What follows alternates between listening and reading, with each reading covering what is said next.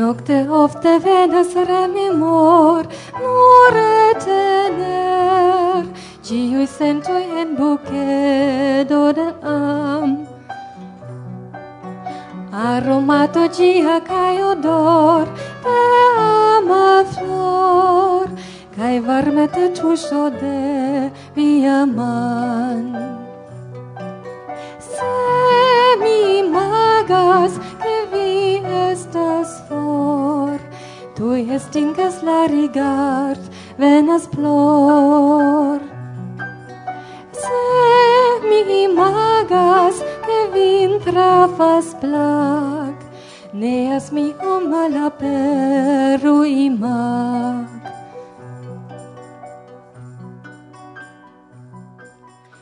Tiui, kiui krom auskulti ankaŭ ŝatas aktivecon, povis trejni en ateliero pri aikido. Kiun gvidis Mirejo Grožan. Ŝi gvidis prelegon ankaŭ pri tri aspektoj de instruado: arto, konfronto kaj Esperanto. Mi estas Mireille Grosjean, mi venas el Svislando, mia denaska lingvo estas la franca. Mi estas sen rita emerito, sen brutara nomado, babilema poligloto, cae de quelcae semainoi presidanto de ilei, cae tre amuse estas, che mi ec ne stias, ciu mi estas la dua au la tria, car estas truoi en la archivoi de ilei, cae mi devas esplori, tio tute ne genas mian dormon, sed estas amuse, che mi ne stias pri tiu aspecto de mia funzio. Mi venas al Poznan por studi en la Universitato Adam Mickiewicz, cae kai estas tre streĉa semaino pro tio arcones por mi estas ia banado en iu lacta likvo. Do mi malcovris arcones pasintan jaron, kiam same kiel nun mi fin studis en la universitato. Kaj estas vere unica semain fino kun esperanta etoso kai plej diversai aktivecoj, presentoi prelegoi koncertoj. Do Arcones estas tre tre interesa. Okazis tute hazarde ke mi konatigis kun esperantisto el Germanio, kiu kiel mi praktikas aikidon. Kai ni komencis programon, kies nomo estas Aikideo, tio estas ke ni provas konigi aikido en la Esperanto mondo kaj konigi Esperanto en la aikido mondo.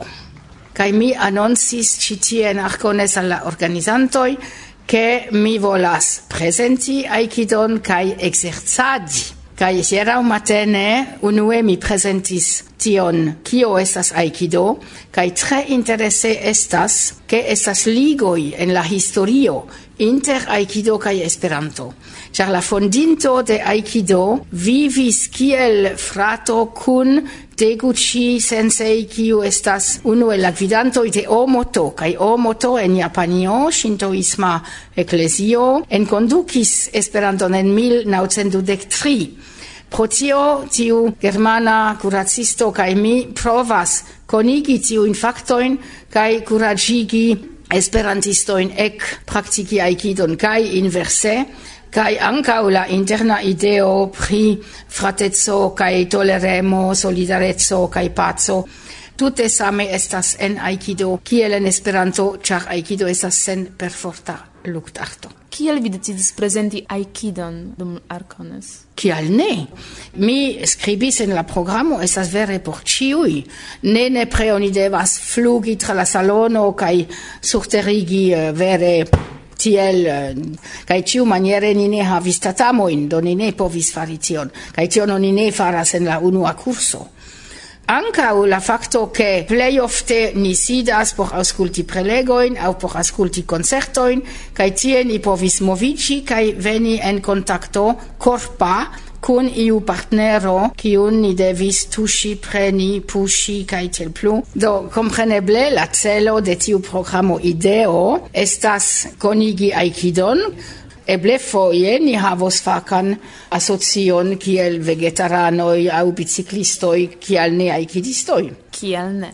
Kai mi havis en Arcones du prelegoin, unu Ossa kai unu Issa, kai mi parolis pri arto kai confrontoi en instruado, char mi instruis dum tridecoc jaroi al junuloj de kvar de quin jar agiai, kaj oni povas imagi, che la instruado estas io rigida, ciam la sama, kaj tio estas tutene tiel. Char la lernanto estas malsamai, venas iai aliai factoroi qui influas la evoluon de la instruado, kai la instruisto devas ciam adaptigi kai crei ion effican kiu ebligos che la lernantoi lernu.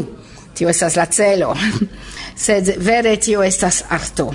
Kai estas ancao confronto char compreneble venas demandoi, instruisto devas respondi, venas demandoi pri la temo, eble venas demandoi exter la temo, kaj la instruisto devas regvidi la grupon al la temo, kaj tio estas kvazaŭ kiel iu capitano gvidas sian shipon. Mi atingis, ke estas tri kampoj. La instruisto devas havi scioin, devas esti inteligenta, lerta, clera, Kai devas esti bona pedagogo. Kai iuin sioin li devas havi. Tamen nun tempe sio estas en la libroi nun estas interreto, sed imagu se la instruisto stias vere nenion kai ciam devas rigardi en la reto, tamen oni devas havi kelkain stonoin por konstrui muron. Poste bona instruisto devas esti inteligenta. Tio estas che li devas havi la capablon analizi, sintesi, deducti, compari, resumi.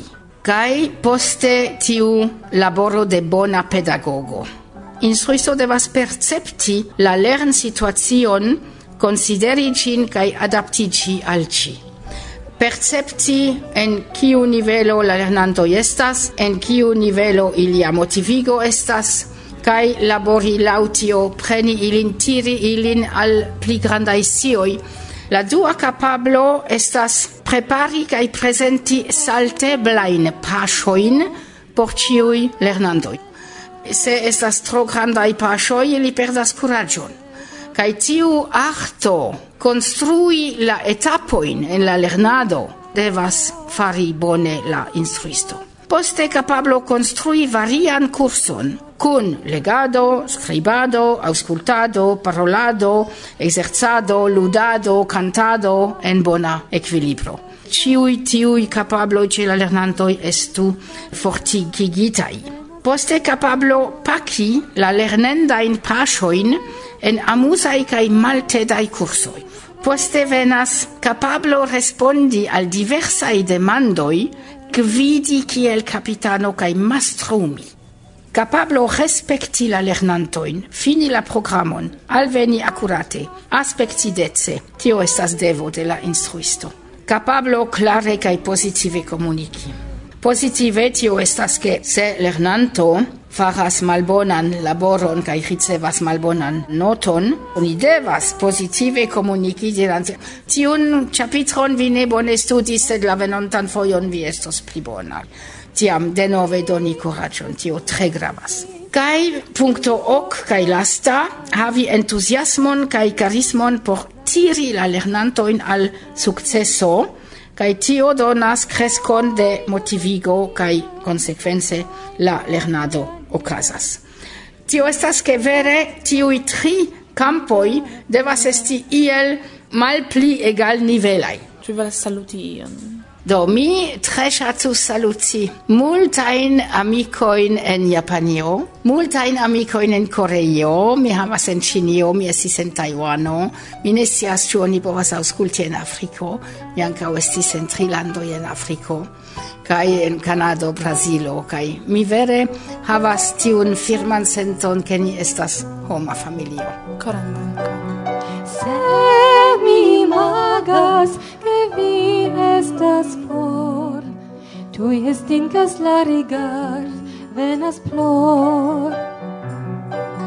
Se mi magas, que vin trafas plac, neas mi um malaperui mac.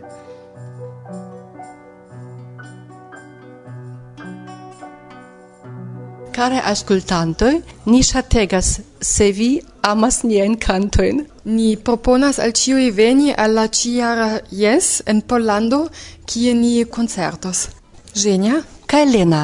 Kai Kune. Gele. Mi salutas Jomart kaj Natasha, kun kiu mi rajtis dum la festo kanti unu el iliaj kantoj kaj du el niaj, kaj tio tre plaĉis al mi. Ja, ankaŭ mi kore salutas ilin, ĉar ni estas longjare amikoj kaj mi tre tre ĝojas pri tio, ke mia filino kantis miajn kantojn kun miaj la plej bonaj amikoj el Svedio, Jomart kaj Natasha. Dankon!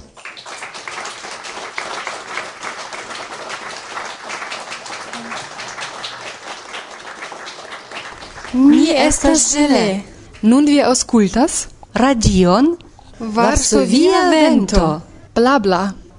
En la cefa koridoro eblis renkonti la ĉefredaktorojn de la Ondo de Esperanto. Jes, oni povis tre rigardi la lastajn eldonojn de la revuo. Babili kun ili pri la enhavo. Sed ne nur. Aleksander Korženkov ankaŭ prelegis. Jes, li rakontis pri Bakerstrato Dudu Unobo. Tiu adreso estas ŝajne bone konata de homoj, eĉ kiuj ne legis pri aventuroj de Sherlock Holmes. Aŭskultu ni do kion pri tio diris la preleganto mem. Saluton, mi estas Aleksander Korženkov el Ruslando Kaliningrado. Ĉiera mi tamen estis iom hezitema pri la vizito, char mi acceptis examenon ce la Universitato Adam Mickiewicz. Mi compreneble venis al la apuda domo, al la fervojista konstruaĵo, kaj tuta hazarde ci tie estis anco esperantista rencontigio, kaj mi esas tre ĝoje, ke mi povis vidi multe multajn amikojn kaj nove in persona in kiujn mi conatigis. Kaj la organizanto ja persvadis min iom raconti pri nia agado. Tio estas eldonado de gazeto, eldonado de libroi, kaj tiel plu kaj ĉi foje ni ĝojis kunporti tri novajn librojn. La uno el ili estas fakte al multe konata la libro La Hobito de Tolkien, kaj jam aperas la tri eldono. Interalie estas malofta okazo en Esperantujo, ke dum dek tri jaroj beletraĵo aperas en tri eldonoj. Do almenaŭ tio rekomendas la libron mem kaj ĝi havis ĉi tie grandan sukceson aĉetita tuj. La dua libro, kiun ni citie presentis, estis La legisto de la germana autoro Bernhard Schlink. Gi ricevis multega in literatura in premio in che successas diri pri gi che gi estas la unua german lingua literaturajo kiu successis esti la unua en la listo de la plei popularaj libroi en Usono do antau ne existis kaj Kate Winslet kiu roles la rolon de la chef heroino en la samnoma filmo estis Oscar premiita pro ĝi do tio jam sufiĉe rekomendas la libron kaj tamen en Esperanto. Tio estas iom unika afero, ĉar ni eldonis ĝin laŭ ĉiu reguloj, ni pagis monon al la aŭtorrajtan honorarion al eldonejo svisa Diogenes kaj tiel plu. feliĉe ankaŭ ĝi malaperis dum kelkaj horoj kai multe personoi esprimas sian indignon malcontenton pri mi kai ni comprenis tro malmulte da ekzempleroj sed vidu mi estas tiel malgranda mi ne povas porti multe en libro en mia alto es 150 centimetroj ke mi pezas kilogramo in kai ne funkcias kruroi kai manoi kai tiel plu. Kaj la tria libro, kiun ni presentis ci tie, estis la aventuro de Sherlock Holmeso. Mi diru nur, ke ci tie mi eh, faris prelegon Bakerstrato 221 bo ki estas la adreso de Sherlock Holmeso kaj doktoro Watsono en Londono. Kaj ke anko ci tiu libro bedurinde estis vendita kaj ni havas tio multen riproĉojn. Mi volas resumi jene. Mi havas kompletan fiaskon ciare en Poznan. Ni ne sukcesis kontentigi la ambiciojn de la publiko, ni kunprenis tro malmultajn libroin. Mi promesas, ke sekva fojo ni prenos pli multe. Dankon. Koran dankon. Dankon.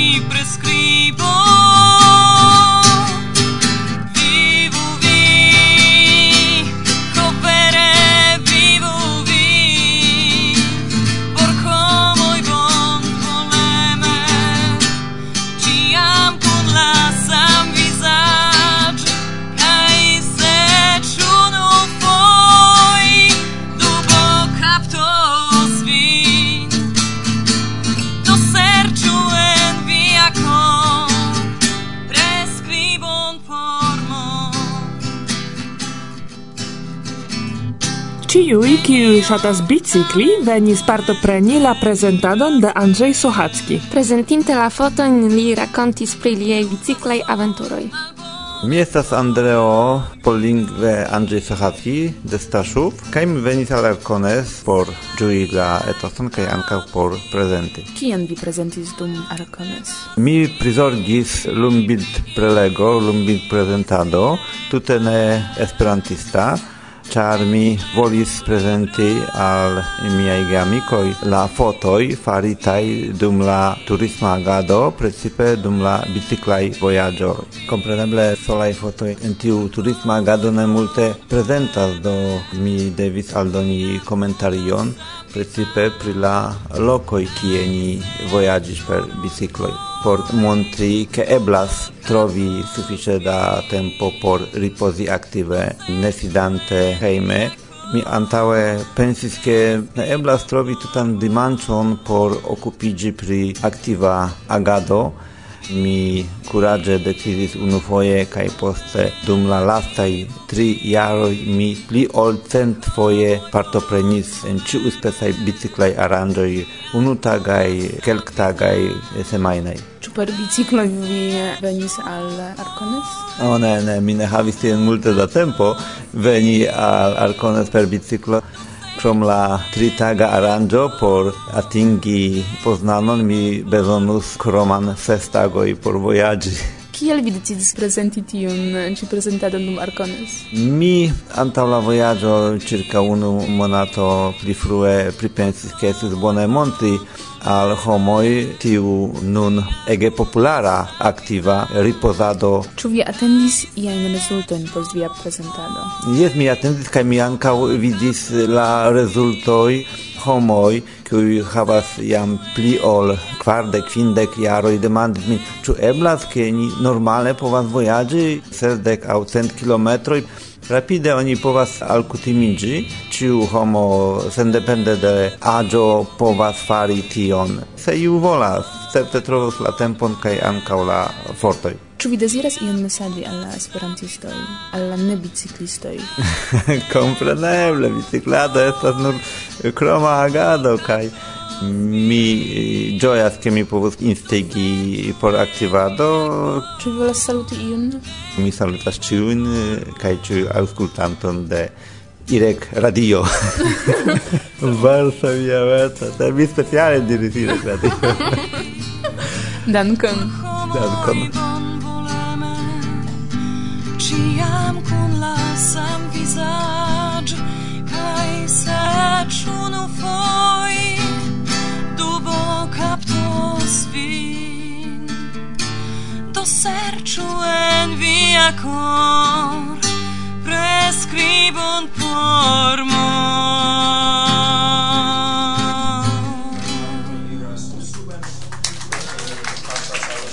Ŝatantoj de ludoj tuj trovis sin en la rondo de Anna. Jes, Anna Skudlarska organizis kvizan tempon. Sed tio ne estis ordinara kvizo. Eble pri kio temas, vi aŭskultu mem. Do estas grave, se mi povas interveni, ke vi aŭskultu kion diras aliaj homoj, ĉar tiuj kartoj revenos iam al vi.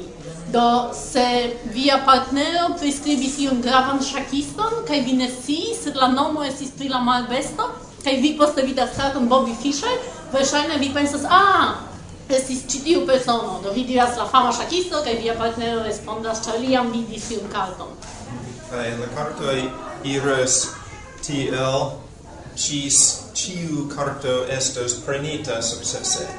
Do vi vidos la kartojn eble kelkajn fojojn. Kai post kiam ciu carto estas successe respondita ni calculas poentoin. Ciu carto kiun via te amo collectis estas poento pro via te amo. Tiam, se vi volos, vi povas ludi la duan randon, kiu...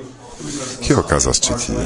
Eh, ni klarigos la esperantan version de la ludo, kiu origine nomiĝas Times Up, sed ni faris esperantigitan version, kiu nomiĝas Pasis la Tempo. La unuan fojon vi organizas tie venis multe da homoj ludi. Tio eĉ ne estas la unua fojo, do eble tial pli da homoj venis, sed ni kelkfoje ludis ĝin dum ses, kaj ĝi estis relative populara populara? Kaj kio estas interesa? Estas ke ni faris ankaŭ esperantlingvan version kun esperantaj famuloj. Aperas Varsovia Vento aperas Zamenhof Klara Silbernik kaj multaj homoj aŭ aferojn gravajn laŭ esperanta kulturo aŭ laŭ esperanta historio. Tie estas eh, via kontribuo propone la programon eh, amuzigi homoj nur per tiu ludo aŭ vi havas ankaŭ aliajn ideojn? Ni havas ĉi tie nur ĉi tiun ludon. Ni iom fieris, ke ni faris tiun Esperantan version kaj ni ŝatis tion. Kaj nun mi devas klarigi al la kunludantoj. Bone, eh, nun nur prezentiĝu. Mi estas Anna. Dankon.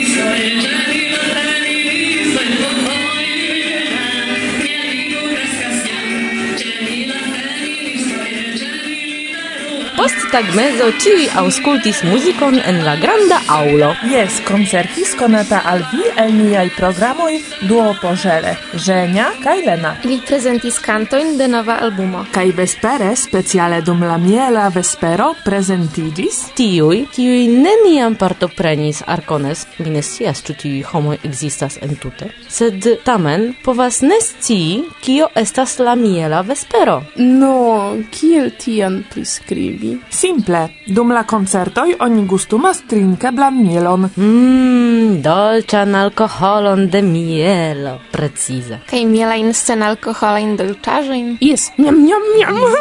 Miam, miam. kaj dum la gustumado ciare kantis Zuzanna Kornicka. Ania Amika. Klezmorim sen nomai. germana muzikbando kiu prezentas klezmeran muzikon. Ludante sur akordeono, violono, gitaro, kontrabaso kaj klarneto. Kaj por deserto la organizantoj konservis muzikon de Martin Wiese. Niam, niam, niam, niam. Mm. Martin cantis kaj ludis tre konatajn komponaĵojn sole. Ne nur sole, al kelkaj kantoj krom publiko aliĝis ankaŭ Bertilo. Kaj tio estis kompreneble granda surprizo por ĉiuj. Granda kaj agrabla. Jes, kaj preskaŭ duono de la spektantoj kantis kun ili. Preskaŭ ĉiuj kantoj de Martin estas konataj. Kaj kelkaj kalikoj da mielo kuraĝigis laŭte kun kanti. Miela etoso, kiun ne eblas priskribi. Pro tio vesper vespero dauris longe. Tre longe. Tre longe. Sed neniu bedauris. Neniu, kvankam matene partopreni la sekvain prelegoin ne estis facile. Tamen Bertilo kun Birke plikolorigis la auscultadon. Yes, belege ili cantis. Triste estis paki sin kaj adiaŭi geamikojn, kiuj venis al Poznano. Mi revas pri tut semajna, ne nur semajn finarkones. Eble iam. Eble. Sed certe valoras turni atenton pri la venontiara rencontigio. Yes, char Arcones igios jubilea. Auscultantoi interesigiu pri la aranjo. Yes, mem malkovru kion signifas arto. Kai ancau venu tion confronti. En Esperanto compreneble. Vi povas inviti ciui auscultantoi de Varsovia Vento al venonta Arcones. Yes, tio mi volonte faros, char mi consideras ke Arcones havas tre gravan rolon nella vivo de de Esperantujo en Pollando kaj ne nur en Pollando sed en meza Eŭropo sekvonfoje okazos la tridekar konezdoni. Nepre invitas ĉiujn sed kelkajn ankaŭ por la triara interlingvistikaj studoj, kiuj startos en la sekva jaro se estos sufiĉe da aliĝantoj. Do mi bonvenigas vin ĝis revido. Curta revido c'è la pordo del somero, Kaj kiel ciam vi malfruis Mi besonis por momento revivigi La revon kiun mi detruis ciu vi audas min nun? Mi ne mancas la malseto, sed min mancas la leĝero che la voce de tenero Ciu tag dum la jaroj mi pensaris pri ciu vi anca pensas primi plu.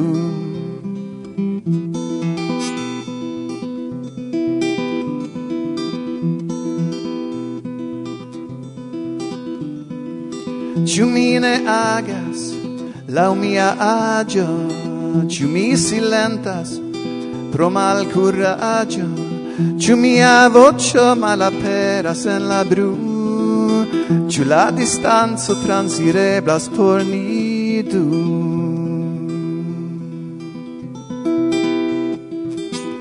Mi ne mancas la malcerto, sed min mancas la legge è la voce de tene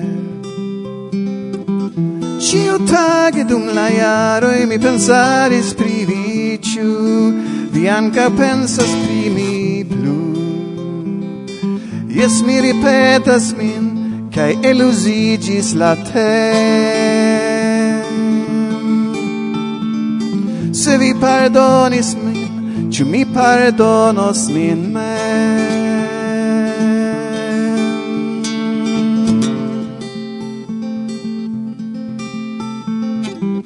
min mancas la malcerto, sed min mancas la legge, che la voce de te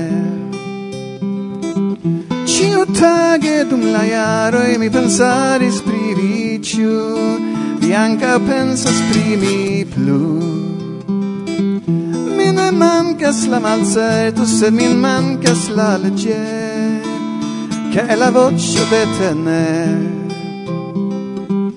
Ĉiutage dum la jaroj mi pensaris pri viciu vi anca pensas pri mi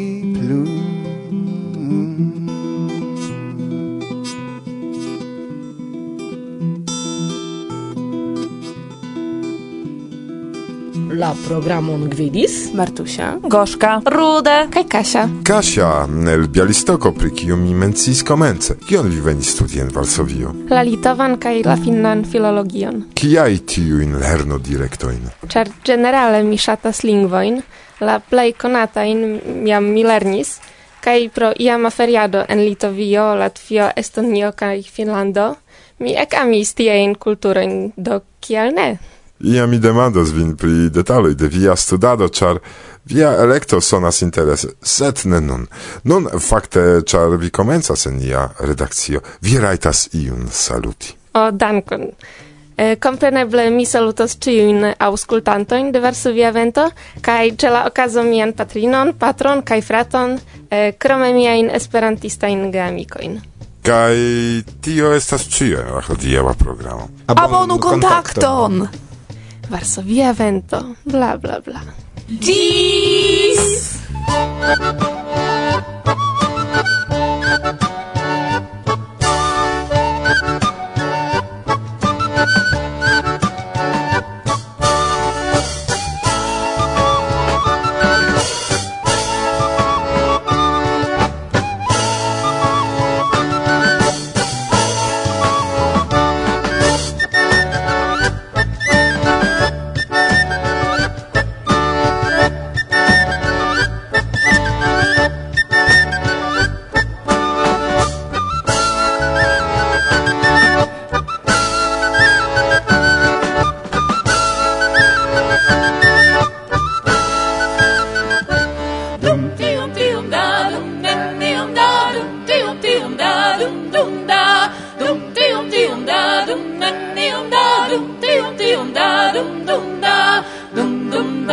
cha ti mi ko mi ka sha dum dum da cha ti cho ya dum dum da cha ti mi ko mi ka sha dum dum da cha ti cho ya dum ti um ti um da. Dum len ti um da. Dum ti um ti um da. Dum dum da. Dum ti um ti um da. Dum len ti um da. Dum ti um ti um da. Dum dum da. Dum dum da cha ti mi ko mi ka sha dum dum da cha ti cho ya dum dum da, ce ti mi comica sia, dum dum da, ce tie gioia.